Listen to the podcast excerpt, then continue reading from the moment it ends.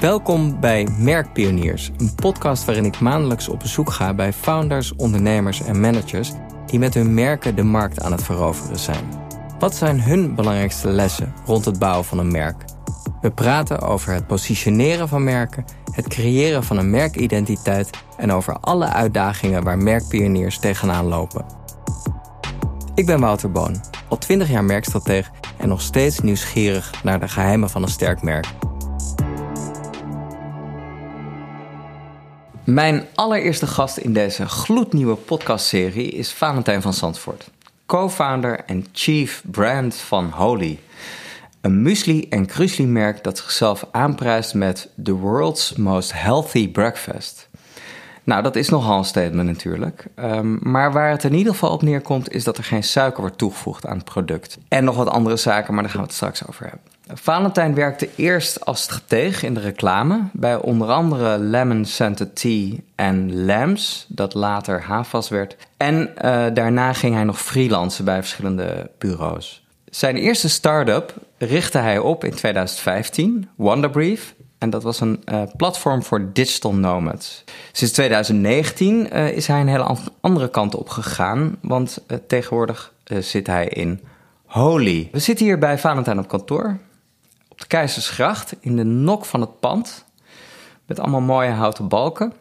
En hij heeft gevraagd aan zijn collega's of ze thuis wilden blijven, zodat we hier lekker rustig kunnen zitten. Uh, dank voor de uitnodiging, Valentijn. Ja, insgelijks. Hartstikke leuk dat je de eerste gast in mijn podcast bent. En uh, ik vroeg me eigenlijk af, dat was het eerste wat mij te binnen schoot toen ik hier binnenkwam, dat ik dacht, uh, jullie liggen tegenwoordig bijna in alle supermarkten met Holy en alle bezorgdiensten, ja. die, die hebben het product ook al in hun assortiment. Dus ben je dan nog wel een start-up? Wanneer ben je eigenlijk geen start-up meer? Ja, dat is een goede vraag. Um ik zou zeggen aan, aan, aan de voorkant, hè, dus qua, qua het momentum wat we met het merk te pakken hebben, maar ook de, de distributie zoals je aangeeft. We zijn nu verkrijgbaar in heel Nederland.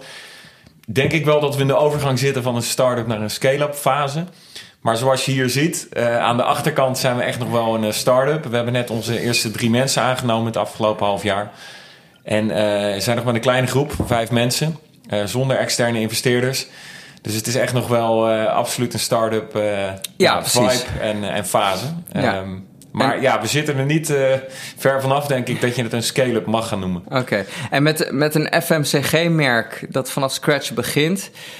Uh, is het denk ik ook niet gebruikelijk om in één keer uh, een hele grote investeerder binnen te halen. Die, gaan, die zitten meer in de tech, denk ik. Klopt, ja. Nou ja, eens. Ik denk, mocht je in de FMCG-hoek wel heel vroeg al een investeerder aan boord halen... dan zit dat vaak op, op ja, hele innovatieve concepten. Uh, wat je in de, bijvoorbeeld in de vleesvervangerhoek veel ziet. Hè? De hele hype rondom ja. bedrijven als Beyond Meat en, uh, en Possible Foods, dat soort bedrijven. Maar ook in Nederland Dutch Wheat Burger, wat van Zeewier Burgers maakt. En mm. ja, daar kwam vrij vroeg ook al uh, ook Live Kindly aan boord. Maar ja, ontbijtgranen blijft een redelijk conventioneel uh, schap. Laten we eerlijk zijn. Ja, dus daar moet je wel, daar moet je wel echt je plek verdienen eerst, denk ik. Oké, okay, ja, nee, that, that makes sense. Um, laten we eens beginnen met jouw werkervaring als merkstratege. Want je hebt bij veel reclamebureaus gewerkt. Dat is een uh, achtergrond die wij gemeen hebben. Dus ja. dat, dat interesseert mij onmiddellijk. Ja. En we hebben het natuurlijk in deze podcast over merkstrategie. Dus laat ik eerst vragen, hoe, hoe kwam je eigenlijk in de reclame terecht? Ja, ja, dat was wel een leuke, leuke reis. Ik heb in Groningen gestudeerd, communicatie en informatiewetenschappen. En in de ja, laatste fase van mijn studie had ik wel al uh, op het netvlies dat ik heel erg graag met merken wilde werken. En dat was of aan klantzijde, meer het marketingvak, uh, of de bureauwereld. En daar was destijds niet echt een hele ja, duidelijke opleiding voor merkstratege. Is er denk ik nog steeds niet. Je ziet vaak dat dat mensen uit de bedrijfskundige hoek zijn, of sociale psychologie, communicatiewetenschappen. Maar ik werd toen getipt door een uh, vriendin van een goede jeugdvriend van mij. En die had de Hallo Academie gedaan. Die, uh, die ken je wellicht ook nog. En dat is een opleiding van een jaar in Amsterdam. Wat mensen vaak na hun studie uh, doen. en dat is een opleiding in strategie, visie en conceptontwikkeling. Waar je eigenlijk een beetje wordt klaargestoomd voor dat reclamevak. En dat was half praktijk. Dus al bij bureau stage lopen en half onderwijs. En in de laatste fase van die opleiding liep ik stage bij Lemon Center T. Um, en daar ben ik begonnen als copywriter. En redelijk snel uh, eigenlijk doorge, ja, doorgestroomd naar het strategievak, wat me toch nog meer trok eigenlijk. Je bent uiteindelijk natuurlijk iets anders gaan doen. Hoe, hoe ervaarde jij uiteindelijk, zeg maar in hindsight, het, het, het, vak merkstratege? Nou, ik denk... Ik, ik moet zeggen, ik heb het vak echt geleerd bij Lems. eh, voor, voordat het ehm, overgenomen werd door het Havas-netwerk. En ik werkte toen eigenlijk direct samen met Tim Klaas, een van de partners. En Mark Woerden liepen uiteraard eh, op, de, op de werkvloer rond... wat ik een hele inspirerende merkstratege vind. Ehm, en heel vroeg werd er toen eigenlijk al in mijn systeem en manier van denken ingebakken. Ehm, ja, wat we vandaag purpose-driven marketing of, of sociale marketing of pro-sociale marketing noemen. En ik moet zeggen, Lems was er toch echt wel vroeg bij. Ehm, en dat denken is er toen ook ja, heel erg inge, ingeramd eigenlijk. Eh, en dat heb ik nooit meer losgelaten. Wat er wel inkroop, en dat is nou, ook veel reclame mensen niet vreemd, denk ik. Het welbekende cynisme wat je op een gegeven moment een beetje voelt. Dat je ook voor merken eh, aan het werk bent en je tijd en bescheiden talent... ehm, ja, toch ook in projecten aan het steken ben.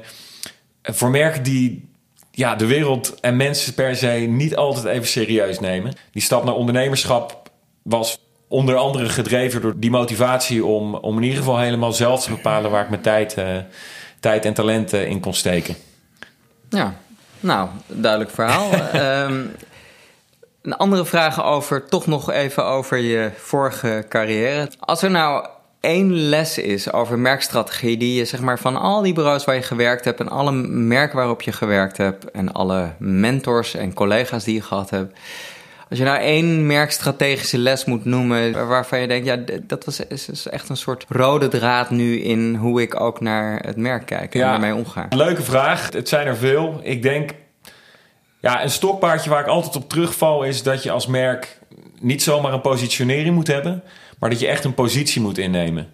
En op het moment dat je echt een positie inneemt in een categorie ehm, en ook gaat staan voor de oplossing van een probleem wat leeft onder, onder mensen, Ja. dan ehm, ontstaat er een heel verdedigbaar eh, spectrum voor, voor een merk om, om ja, ergens voor te gaan staan en, en ergens voor te strijden. En dus ook meteen een hele duidelijke vijand te hebben die je uit kan dagen, die eh, geen oplossing biedt voor, voor dat probleem. Ja. Of die lijnrecht tegenover jouw positie staat. Je zegt, eh, je moet niet alleen positioneren, maar ook een positie innemen. Dat vind ik interessant. Ja. Dan vraag ik me meteen af, wat is eigenlijk het verschil dan tussen die twee? Nou, het, het, het, het verschil kan zijn. ehm, laten we het voorbeeld van een voedingsbedrijf nemen om dichtbij bij onszelf te blijven. Is dat je zegt: wij zijn een plantaardig bedrijf wat mensen gezond wil laten eten. Ja, Nou, zo zijn er heel veel eh, bedrijven in de supermarkt, denk ik, die dat, eh, die dat willen doen. steeds meer. Steeds meer. En eh, dat is een goede ontwikkeling overigens. Ehm, maar wij gaan daar nog een stap verder in. En wij zeggen eigenlijk... Ho eens even, eh, daar is een ontbijtgaande categorie opgebouwd... door een handjevol corporates de afgelopen decennia... die eigenlijk ons voorschotelen met producten... die zich veel gezonder voordoen dan ze zijn. En dat komt deels door, eh, eh, doordat er nooit iemand is geweest die dat heeft doorbroken. Maar anderzijds komen ze daarmee weg, omdat ze ons structureel misleiden met gezondheidsclaims en suiker verstoppen in die producten. Nou, de positie die wij dan kiezen is niet... wij zijn ook een gezond ontbijtgaande merk... en willen jou helpen de dag goed te starten. Ja. Wat 90% van de categorie zegt. Maar wij zeggen... nee, wij eigenlijk ageren tegen misleiding... en dagen de gevestigde orde uit... met echt gezonde ontbijtgranen... en doen dat ook in alles wat we doen. En dat gaat verder dan de producten die we op het schap hebben staan... maar ook ja, de manier waarop we het merk activeren... eh, de content die we maken... eh, de, de, de keuzes die we maken in packaging design... Ja. Dus opeens is die positie die je inneemt eigenlijk leidend voor alle keuzes, merkkeuzes die je maakt. Wat je eigenlijk volgens mij een beetje zegt, het is niet slechts het kiezen van een productcategorie, Nee, maar het is eigenlijk het formuleren van een echte ownable, eigen originele productcategorie waar niemand zomaar in kan stappen. ja, dat denk ik, ik eens. En eigenlijk het product wat je ontwikkelt, het bewijs laten zijn van, van die belofte. En op zich klinkt dat als een standaard merk-ABC'tje... van je moet een merkbelofte hebben en je product moet het bewijs zijn. Alleen in 9 van de 10 gevallen gaat dat nog steeds fout. Want er zijn heel vaak merken die... die nou, helemaal in dit purpose-driven tijdperk, om maar eens een buzzword te gebruiken, die zeggen dat ze staan voor een bepaalde maatschappelijke issue of dat ze staan voor een hogere overdrachtelijke missie om, Ja. om, om de wereld te gaan redden. Maar die vervolgens niet in alle keuzes die ze maken, zowel op productniveau als, als innovatieniveau, maar ook op bedrijfsmatige keuzes, ehm, niet consistent handelen in lijn met, met die belofte. Ja, Wat ons heel erg helpt. En, en, en wat ik denk dat heel veel merken nog laten liggen. Gelukkig ook in onze categorie. Ja, nou ja, als je, als je maar niet te groot groeit, dan uh, kan je nog heel lang trouw blijven aan je eigen positie, ja. denk ik. Uh, want die corporates, dat is natuurlijk op een gegeven moment wordt dat een steeds grotere tanker en, uh, Precies, steeds ja. meer politiek. En dan heeft het steeds minder met purpose te maken, alleen in woorden misschien. Ja, dat, dat, dat is eigenlijk mijn nachtmerrie. Hey, um, we moeten niet vergeten, tenminste dat is een belangrijke vraag, hoe is Holy eigenlijk ontstaan? Ja, Holy is ontstaan in 2018 en dat verhaal begint eigenlijk bij mijn compagnon Merik Schouten. En Merik die werkt bij een grote retailer in Nederland, uh, waar hij met heel veel plezier is opgeleid en daarna ook nog een paar jaar heeft gewerkt. En hij uh, ja, vond dat heel mooi, maar anderzijds zag je er ook de schaduwzijde van Big Food. Want hij moest heel veel uh, voedingsbedrijven managen, producten managen in, in verschillende categorieën waarin hij heeft gewerkt. En hij merkte daar ook dat ja, 80% van wat in de supermarkt ligt, uh, dat, dat, dat dat producten zijn en merken daarachter zijn die de gezondheid van mensen en de planeet niet altijd even serieus nemen. Ja. Maar eigenlijk maar één doel hebben en dat is winstmaximalisatie uh, voor de aandeelhouder. En hij had altijd al een ondernemersdroom. Um, en het was voor hem heel erg logisch om, om dat in food te gaan, uh, ja, uh, te gaan ontdekken. Omdat, omdat, hij al in food zat. Hij zat al in food, hij kende die wereld. Welke retailer was dat? Mag dat ge gezegd worden? Uh, ja, dat, nou, dat waren onze blauwe, onze blauwe partners, onze blauwe laat ik het zo zeggen. Ja. Hij heeft toen de stout schoenen aangetrokken en heeft ontslag genomen. En eigenlijk met niet meer dan een idee heeft hij contact gezocht met een voedingstechnoloog, een ontwikkelaar. En zijn ze de eerste producten gaan ontwikkelen. En dat speelde zo rond ja, lente 2018. Mm -hmm. Dat hebben ze toen naast hun baan en naast freelance werk... Uh, hebben ze de eerste producten op het schap gekregen. En een jaar later uh, vonden Merik en ik elkaar weer. We kenden elkaar uit onze studententijd. En waren een bachelor aan het organiseren voor een gemeenschappelijke vriend. Ja. En toen ging het eigenlijk meer over Holy. Van wauw, tof wat jullie in gang hebben gezet. Maar ook tegelijkertijd wat een mega kans ligt er nog om, om een merk daaromheen te gaan bouwen en, en, en, en dat ja, te gaan opschalen. Um, en dat waren zulke leuke gesprekken dat we dachten: hey, shit, misschien moeten we dat gewoon samen gaan doen. En ik was in die zin ook nog een pilaar die zij miste, want ze hadden food, business, uh, maar nog eigenlijk geen merk, uh, marketing pilaar. Wat natuurlijk in FMCG super belangrijk is. Ja, dat is wel een hele belangrijke inderdaad. En um, toen hebben we gezegd: oké, okay, let's, let's go. En toen in december 2019 zijn we eigenlijk all in gegaan. En uh, ja, uh, nu dik drie jaar later uh, zitten we hier ja. op de zolder. Wauw. Ja. Dan heb je de naam Holy. Nou, daar kan ik me wel iets bij voorstellen. Dat is eigenlijk, misschien moet ik het niet invullen voor je, maar dat zal gaan over de, eigenlijk over jullie ziel, over jullie karakter, over jullie purpose. Denk ik zo? Ja, Holy, nou, Holy met IE voor de, voor de luisteraar die het merk nog niet kent. Ja, dat vonden we wel belangrijk. Um, want we wilden niet een te heilig, religieus. Uh, was de naam er al toen jij erin kwam? De naam was er al. Okay. En uh, eigenlijk was het best een, een, een, technische keuze destijds. Dat, ja, dat we iets korts wilden, iets wat, wat, wat, wat, wat internationaal herkenbaar was. En waar inderdaad wel een bepaalde quirkiness in zat, doordat we het woord holy verkeerd schreven. Waarmee we ook wel aan willen geven van, we, we zijn niet het heiligste jongetje van de klas. En vinden het wel leuk om, ja, om een beetje te schuren en, en, en het leven met een knipoog te nemen. En vooral veel Was het niet gewoon omdat de URL dan nog vrij was? Nee, ja, dat was, uh, dat was, uh, dat was, uh, dat was niet zo. Maar er zat in alle eerlijkheid niet heel veel uh, uh, ja, inhoudelijk strategische visie achter die nee, naam. Nee, dat was, uh, nee, daar nee, zou ik heel eerlijk in zijn. Nee, maar dat, dat ontstaat later vaak nee, wel. tuurlijk. Dat is vaak bij start-ups, denk ik. Ja. Maar desalniettemin een goed gekozen naam. Maar nog één, één kritische vraag daarover. Is, is, um, is het, spreken Engels het goed uit? Ja, die spreken het goed uit, want het is eigenlijk een oud-Engelse manier om holy te schrijven. Oh ja? Ja, dus zo Wow. als je teruggaat naar ja, 1800 zoveel in, in Groot-Brittannië, dan, dan werd het ook nog wel zo geschreven. Dus dat was, dat, dat klopt, dat was inderdaad ook nog een reden om het, uh, om het te doen.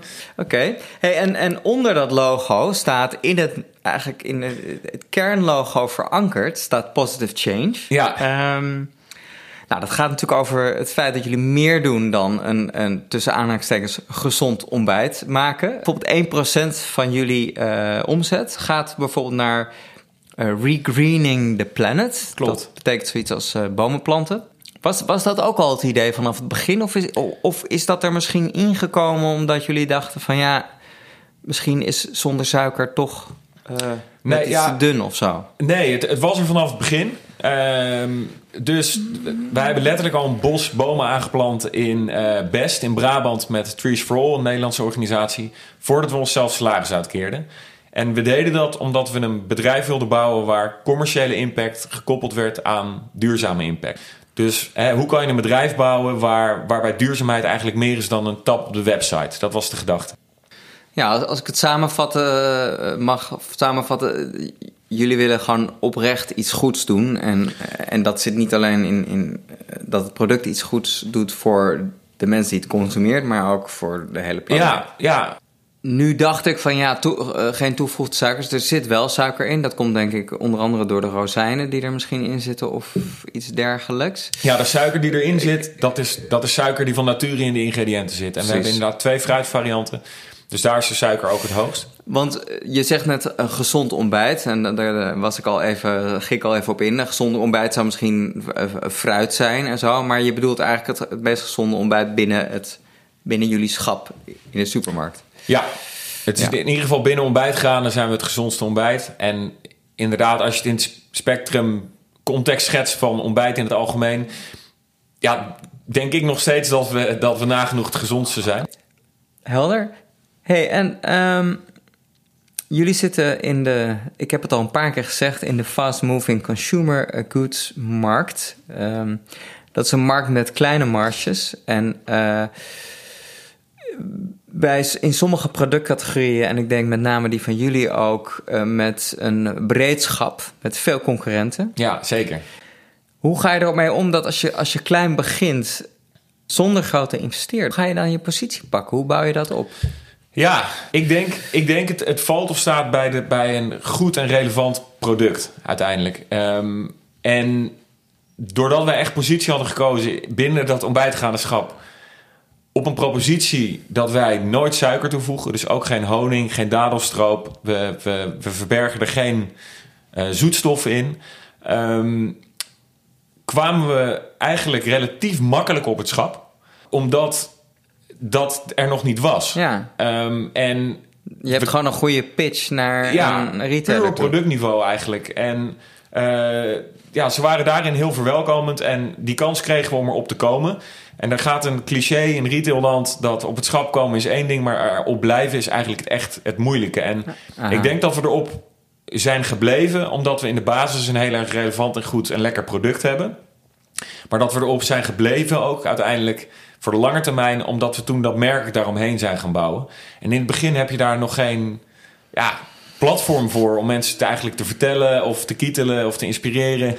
Um, dus moet je het echt van een goed product hebben. En ga je gewoon keihard een, een, een test aan met, met, met de markt, die de duim omhoog doet of de duim omlaag. Ja, wij hebben ook heel veel producten gehad en ontwikkeld die het niet gered hebben. Wij hebben een havermoutlijn gehad die het niet heeft gered. Hij staat hier uh, in de kast. Um, omdat we daar eigenlijk geen suikerprobleem op losten. Want binnen havermout is verborgen suiker niet een heel erg prangend probleem. Dat is een mm -hmm. hele commodity gedreven ja. uh, categorie. We zijn ooit ook met kids cereals uh, ook begonnen. Die kregen we gewoon niet lekker genoeg. Omdat het extreem moeilijk is om een kindercereal te maken... waarin je echt geen suiker toevoegt. Omdat kinderen zijn gewoon een dodelijke testgroep. Want als het niet zoet is of niet, niet, niet, niet een bepaalde zoetheid in zich draagt, dan, dan, wordt het, wordt, dan eten ze het niet. En, en zegt zo'n retailer dan niet van... Uh, ja, jongens, jullie, jullie, hebben nu jullie schap, schapruimte wel een soort van verbruikt. Het, het, het, lukt niet. of zeggen ze dan, oh leuk, weer een nieuw, een nieuw product. Nou, dat had heel erg goed gekund. En um, alleen ja, hoe die dynamiek destijds is gegaan... is dat wij hadden zelf ook al eigenlijk geïdentificeerd... dat, dat dit product nog niet volledig um, eigenlijk klaar was om omarmd te worden op grote schaal voor, voor, voor de jongere doelgroep, voor de kinderen. En wij hebben toen proactief die granola ontwikkeld. En zijn ook proactief uh, in die tijd naar Albert Heijn gegaan, waar we toen uh, dat gelanceerd hadden. Om te zeggen, volgens mij hebben we iets ontwikkeld dat nog, wat nog veel relevanter en veel schaalbaarder is. Um, ja. Voor ook een volwassen uh, groep. eh, kunnen we niet één op één een wissel doorvoeren. En die kans, die kans kregen we toen. Waarvoor we uiteraard nog steeds heel erg dankbaar zijn. Want vanaf toen eh, is het nog veel harder gaan lopen. Want begon het bij Albert Heijn? Ja, Want als je... ook, ook wat kleinere supermarkten overigens. eh als, Want dat als is, markt in die eh, tijd dat nog. is natuurlijk ook ehm, een soort, hoe zeg je dat, endorsement. Dat als Albert Heijn, als je door de ballotage van Albert Heijn komt, dat andere retailers ook makkelijker geneigd zijn, misschien om je toe te laten. Ja, ik denk dat je daar gelijk in hebt. Ik, eh, dit- ze noemen het geloof ik het spillover effect ook wel eens. Dat, eh, je hebt eigenlijk drie grote supermarkten. eh, nee, dus je hebt Albert Heijn, eh, Jumbo, eh, de Plus. Eh, dan heb je het wel echt over de top drie als je kijkt naar, naar En marktaandelen. daar liggen jullie, hè? Daar liggen we nu. Ja. En het is enerzijds dus een blessing, denk ik, dat je bij Albert Heijn inderdaad hebt kunnen lanceren. Door precies, eh, om, precies om de reden die jij, die jij zegt. Anderzijds is het ook, stel je ook meteen heel erg kwetsbaar op. Ehm, want als je het dan niet redt, dan eh, en je, je levert jezelf ook wel over aan de wolven meteen. Want je ligt wel bij, bij, de, bij, de, bij de marktleider eh, meteen in het vizier van, van heel Nederland. Dus dan moet je wel eens echt zorgen dat je je spullen goed op orde hebt. Ja. En dus Ja. ik zou in retrospect niet per se afraden eh, om als Ja. je in food begint, eh, dat je het eerst bij wat kleinere formules probeert. Eh, om ook het, ja, de dynamiek te leren, Ja. klantfeedback op te halen van, van op puur op je producten ook. Vinden mensen het lekker? Wat kunnen we verbeteren?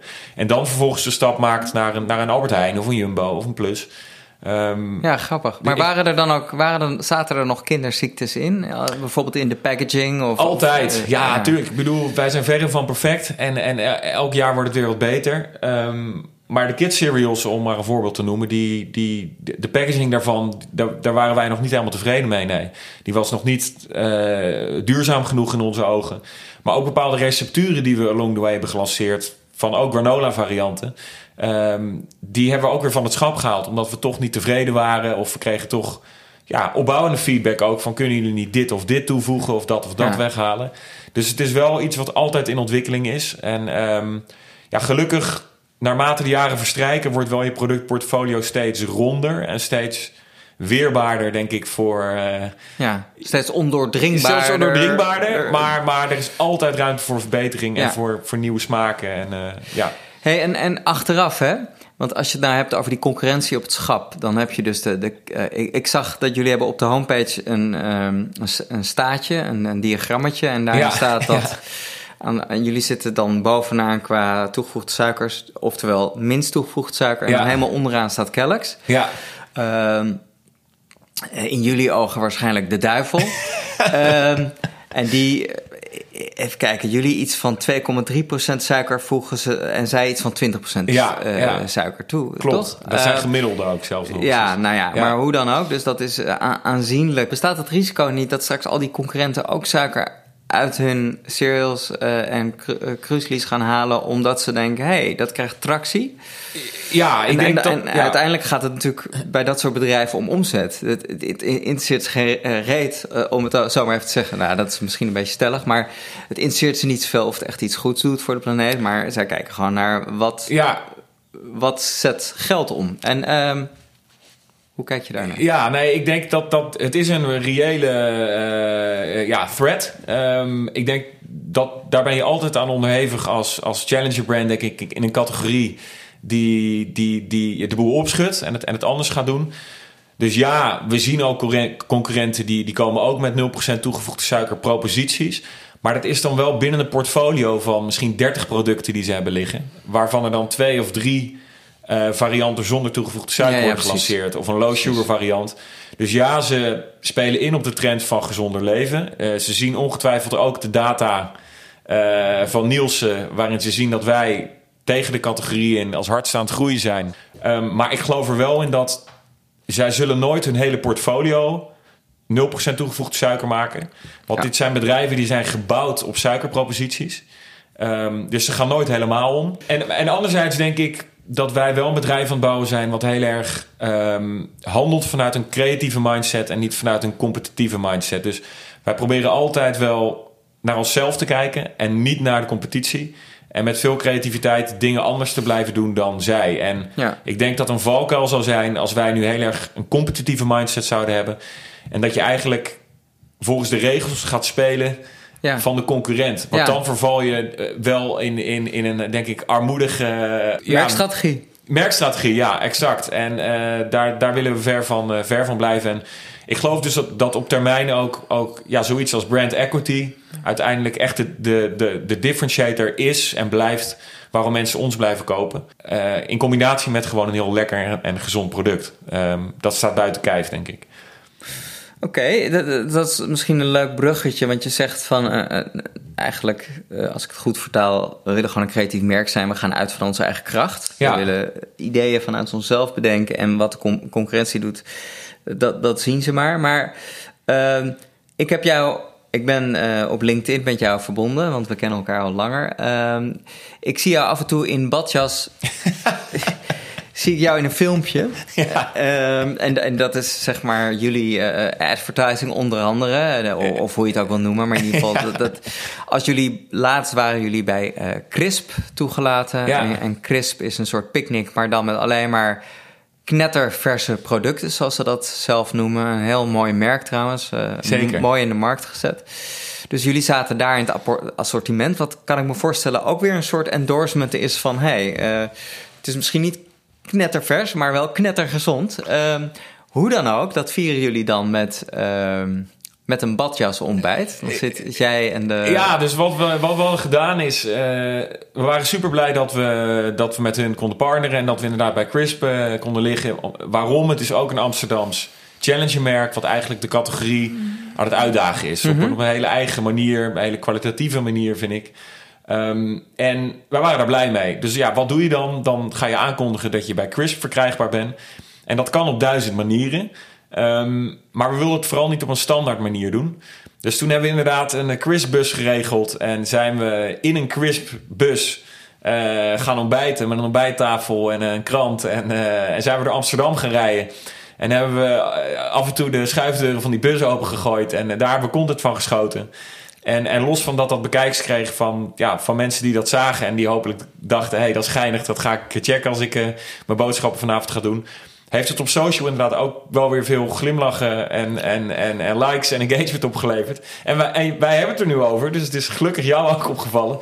Ja. Ehm, dat we daar toch net even wat anders doen. Ehm, ja, dat we, dat, dat we daar toch voor, voor een glimlach gaan... en niet voor een standaard boodschap, denk ik. Gingen jullie dan ook bij de supermarkt de, de deuren opengooien? Nee, hebben we niet gedaan. Nou, nee. want dat zou natuurlijk... eh, dan gaan mensen, hé, hey, Ja. ik ga nu toevallig Ja, nee, dat was wel een goede geweest, ja. Ehm, maar oké, eh, en, en inderdaad origineel, maar ik heb, jullie doen dat vaker. Dus het is inmiddels al bijna, zit het, is het bijna een Ja, soort advertising. gimmick, ja. Adver- nou ja, Ja. of een eh, positiever geformuleerd, een advertising property zou je het kunnen Ja, noemen. ja. Inderdaad, zeker origineel. Eh, en wat ik me afvroeg, hè, he- hebben jullie nu een merkdocument waarin eh, bijvoorbeeld waarin dan een merkwaarde staat die dan aansluit op dat soort eh, ludieke acties? Ja, ik moet zeggen, dat hebben we destijds redelijk traditioneel aangevlogen.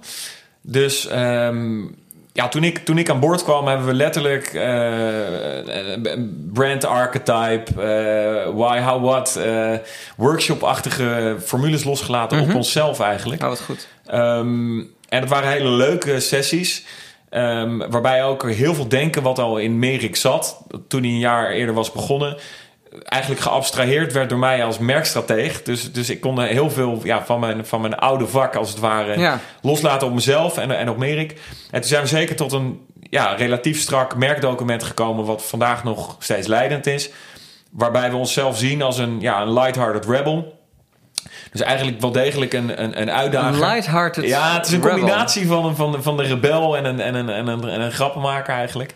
Ah, en de Ehm, jester. Ja, van de gesture en de, en de, en de, en de, en de wat is het, de Maverick geloof ik. De, de jester, eh, even voor wie het archetype model van Jung niet kent. De, de jester is de nar. Ja, En die zitten ook in het merkmodel naast elkaar, of volgens mij. ze hè? zitten dicht bij elkaar en, en ja, we zijn eigenlijk de combinatie dus van, van de nar en van de rebelse Maverick. En waarom kiezen we voor die combinatie? Omdat je in de wereld van gezondheid ehm, en ook in de wereld van duurzaamheid...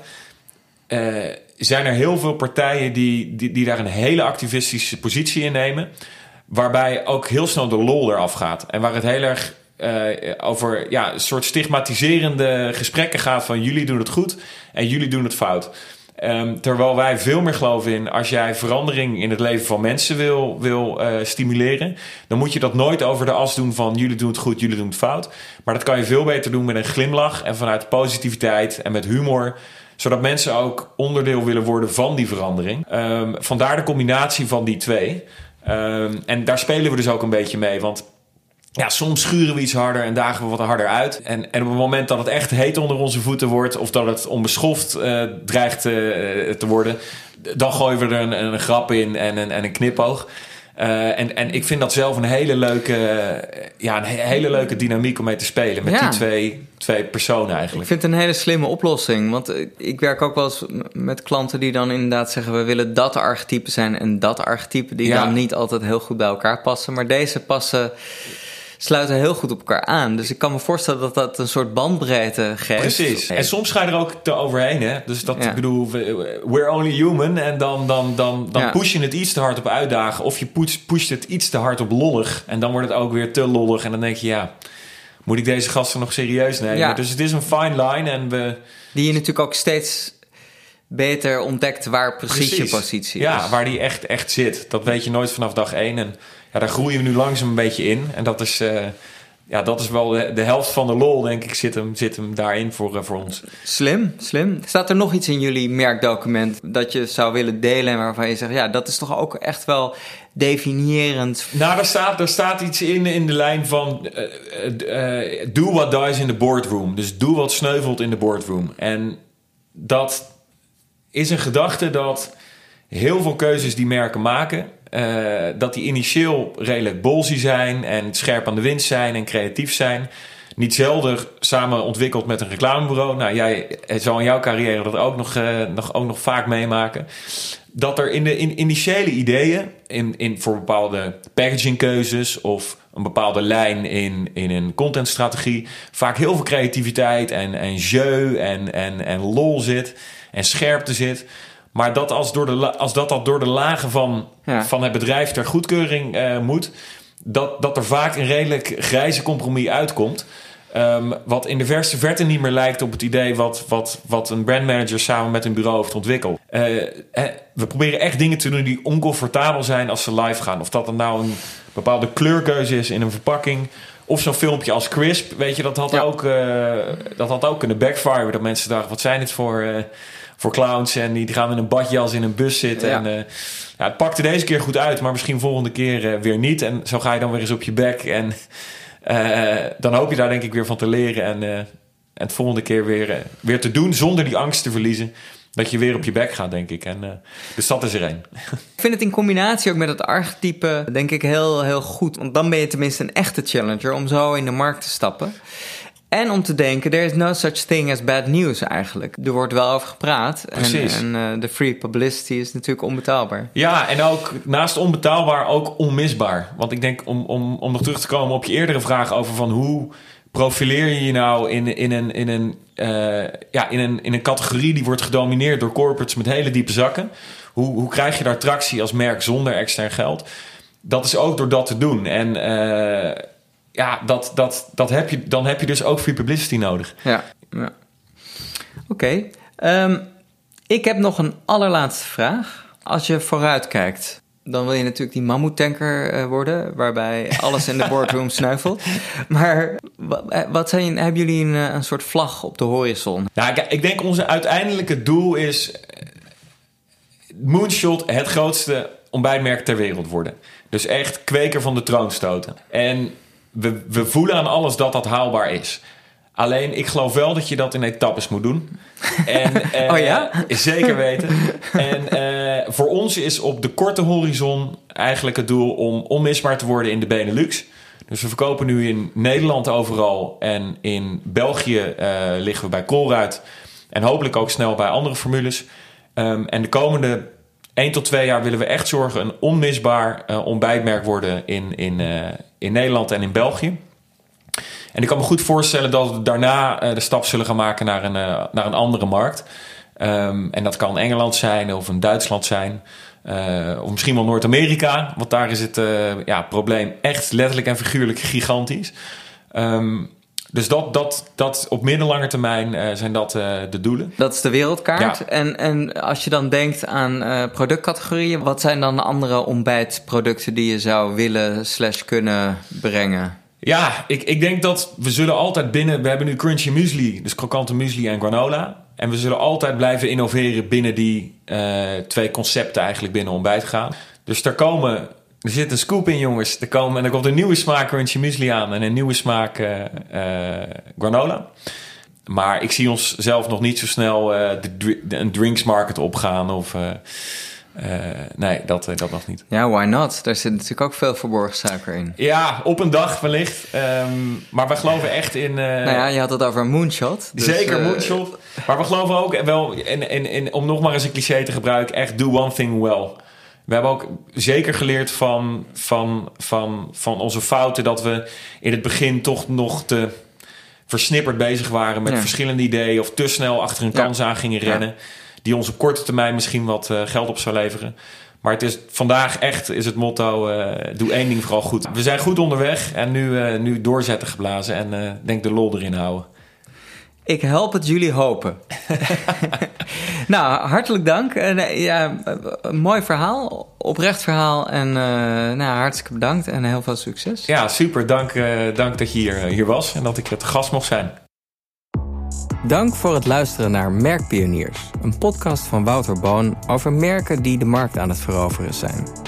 Als dit smaakt naar meer, abonneer je er dan op in je favoriete podcast-app.